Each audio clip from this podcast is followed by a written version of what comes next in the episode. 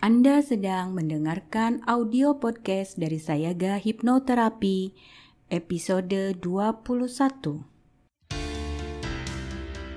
Selamat datang di serial audio podcast bersama Sayaga Hipnoterapi, institusi penyedia layanan hipnoterapi dan konseling profesional di Kota Bandung yang membantu penanganan berbagai masalah kesehatan, emosi, dan perilaku yang mengganggu kualitas hidup.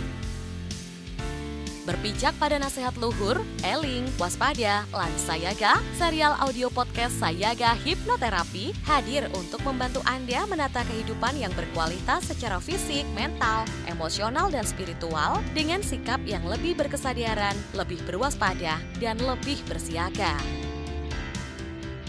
Serial audio podcast Sayaga Hipnoterapi menghadirkan inspirasi kehidupan yang diintisarikan dari berbagai keilmuan psikologi dan pengembangan diri yang juga diadaptasi dari kisah nyata para individu yang menjalani program terapi dan konseling bersama tim profesional dari Sayaga Hipnoterapi. Halo semua, salam jumpa dari saya, Tuntun Widianti.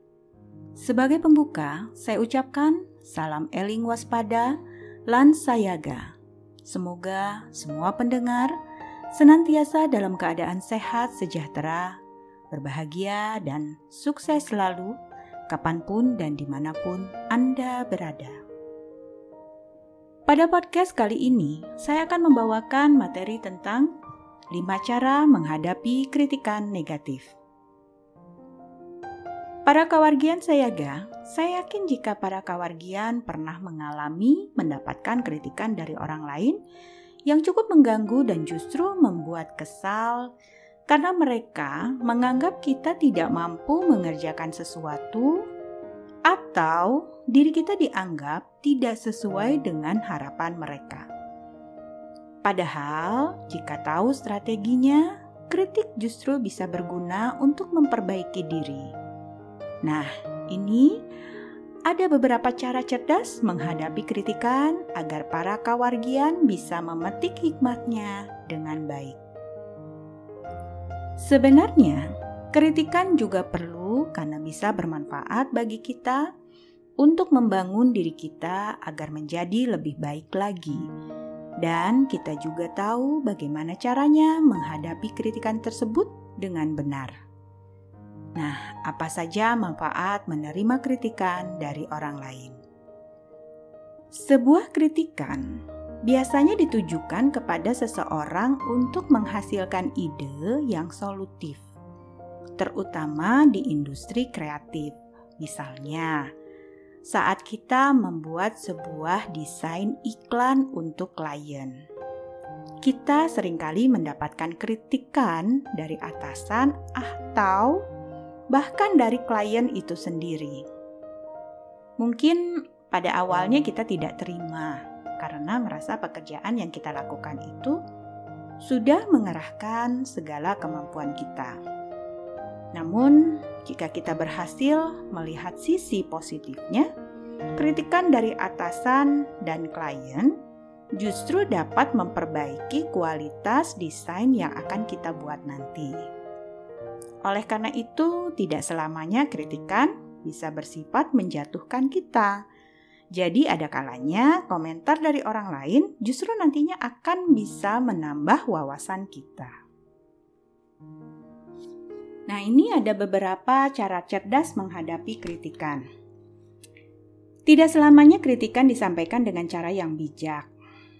Ada beberapa orang yang tanpa memperhitungkan perasaan orang lain menyampaikannya dengan bahasa yang tajam atau mungkin tanpa tendeng aling-aling.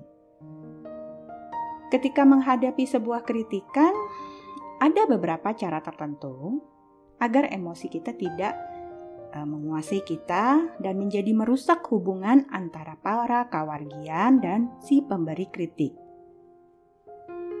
Dengan strategi jitu yang akan saya jelaskan nanti, kemungkinan besar dapat mengendalikan situasi dengan tenang. Cara pertama adalah tetap tenang. Pada saat orang memberikan kritik kepada kita, Bahkan yang dengan nada tajam atau bahasa yang cukup pedas sekalipun, usahakan untuk tetap tenang. Para kawargian mungkin akan merasa bahwa si pemberi kritik tidak menghargai pekerjaan kita. Tapi kita jangan terus membalasnya dengan meluapkan emosi kita kepada si pemberi kritik. Jadi, cobalah untuk tetap tenang, tarik napas dalam-dalam untuk menenangkan diri. Dengan begitu, emosi bisa dikendalikan sehingga tidak terjadi hal-hal yang tidak diinginkan. Kemudian, yang kedua adalah dengarkan terlebih dahulu. Setelah berhasil menguasai situasi dan emosi, cobalah untuk mendengarkan kritik yang ingin disampaikan si pemberi kritik terlebih dahulu. Nah, dengan cara menghadapi kritikan yang satu ini, kita tidak akan terlihat defensif dan si pemberi kritik akan merasa bahwa kita adalah orang yang fleksibel. Jadi, dengarkan dulu bagian yang menurut para kawargian memang harus diperbaiki dan jangan menyela ataupun membantah. Jika kritikan yang diberikan memang sungguh membangun, para kawargian dan lawan bicara akan fokus pada apa yang harus diperbaiki, bukannya saling melontarkan ucapan yang bertujuan untuk melindungi diri atau mungkin akan menyerang orang lain. Kemudian, cara yang ketiga adalah mencerna kritikan dengan baik. Jika teman atau atasan sudah selesai bicara, usahakan untuk mencerna semua kritikan dengan baik. Menghadapi kritikan tanpa tahu harus mengatakan apa pun akan membuat kawargian terlihat lebih buruk di mata mereka. Jadi, katakan pada mereka bahwa para kawargian memerlukan waktu untuk berpikir karena urusan ini menyangkut pekerjaan berdua Hal ini akan membantu kita dalam melihat berbagai perspektif kritikan tersebut. Yang keempat adalah menanyakan contoh masalah dan solusi. Salah satu cara cerdas menghadapi kritikan adalah menanyakan contoh, masalah, dan solusi dari kritikan mereka. Hal ini mungkin bisa lebih membantu ketika para kawargian tidak begitu yakin bahwa kritikan tersebut memang benar-benar membangun untuk diri kita. Nah, apabila rekan kerja memberitahu bahwa salah satu dari kawarga misalnya terlalu malas dan tidak inisiatif ketika bekerja, meskipun seandainya para kawargian tidak merasa seperti itu. Coba tanyakan contohnya. Contoh kasus apa yang membuat mereka memberikan kritik semacam itu? Dengan begitu, para kawargian juga bisa mengintrospeksi diri.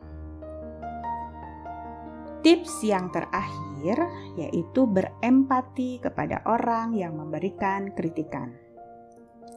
Cara menghadapi kritikan orang lain yang terakhir adalah dengan berempati kepada si pemberi kritik. Misalnya, para kawargian merasa bahwa salah satu teman kawargian bersikap tidak sopan ketika mengkritik kita Padahal bisa jadi mereka tidak bermaksud menyakiti kewargian. Beberapa orang mungkin memiliki keterbatasan dalam kemampuan berkomunikasinya ketika harus berhadapan dengan orang lain. Jadi, tanpa ia sadari, ia membuat lawan bicara menjadi tersinggung. Padahal mereka hanya ingin membantu agar semuanya berjalan dengan baik. Contohnya seperti ini ada di daerah tertentu, jika bicara eh, nada atau suaranya agak tinggi atau agak keras, sedangkan si penerima kritikan berasal dari hmm, daerah atau mungkin kebiasaan yang kalau bicara itu dengan suara yang lembut, yang pelan. Nah, ini sering kali terkadang menjadi miskomunikasi. Nah, jadi penting bagi Anda untuk berempati terhadap lawan bicara, dan lihatlah siapa yang berbicara dan bagaimana sikapnya. Jadi, pada dasarnya, cara cerdas menghadapi sebuah kritikan adalah dengan tetap tenang saat mencana masukan. Dengan begitu, Anda bisa melihat lebih jernih apa yang ada di balik komentar yang mungkin terasa panas di telinga Anda. Demikian penjelasan dari saya, semoga bermanfaat. Sampai jumpa di podcast saya selanjutnya. Salam eling waspada, lan sayaga. Dapatkan lebih banyak inspirasi menarik lainnya dengan ikuti Instagram @sayaga.hipnoterapi dan podcast channel Sayaga Hipnoterapi. Kunjungi juga website www.sayaga-hipnoterapi.com untuk temukan lebih banyak informasi menarik lainnya, termasuk untuk memesan layanan hipnoterapi dan konseling bersama para tim profesional dari Sayaga Hipnoterapi di Bandung untuk membantu Anda menangani berbagai masalah kesehatan, emosi, dan perilaku yang mengganggu kualitas hidup. Mari menjalankan kehidupan yang eling, waspada, lan sayaga.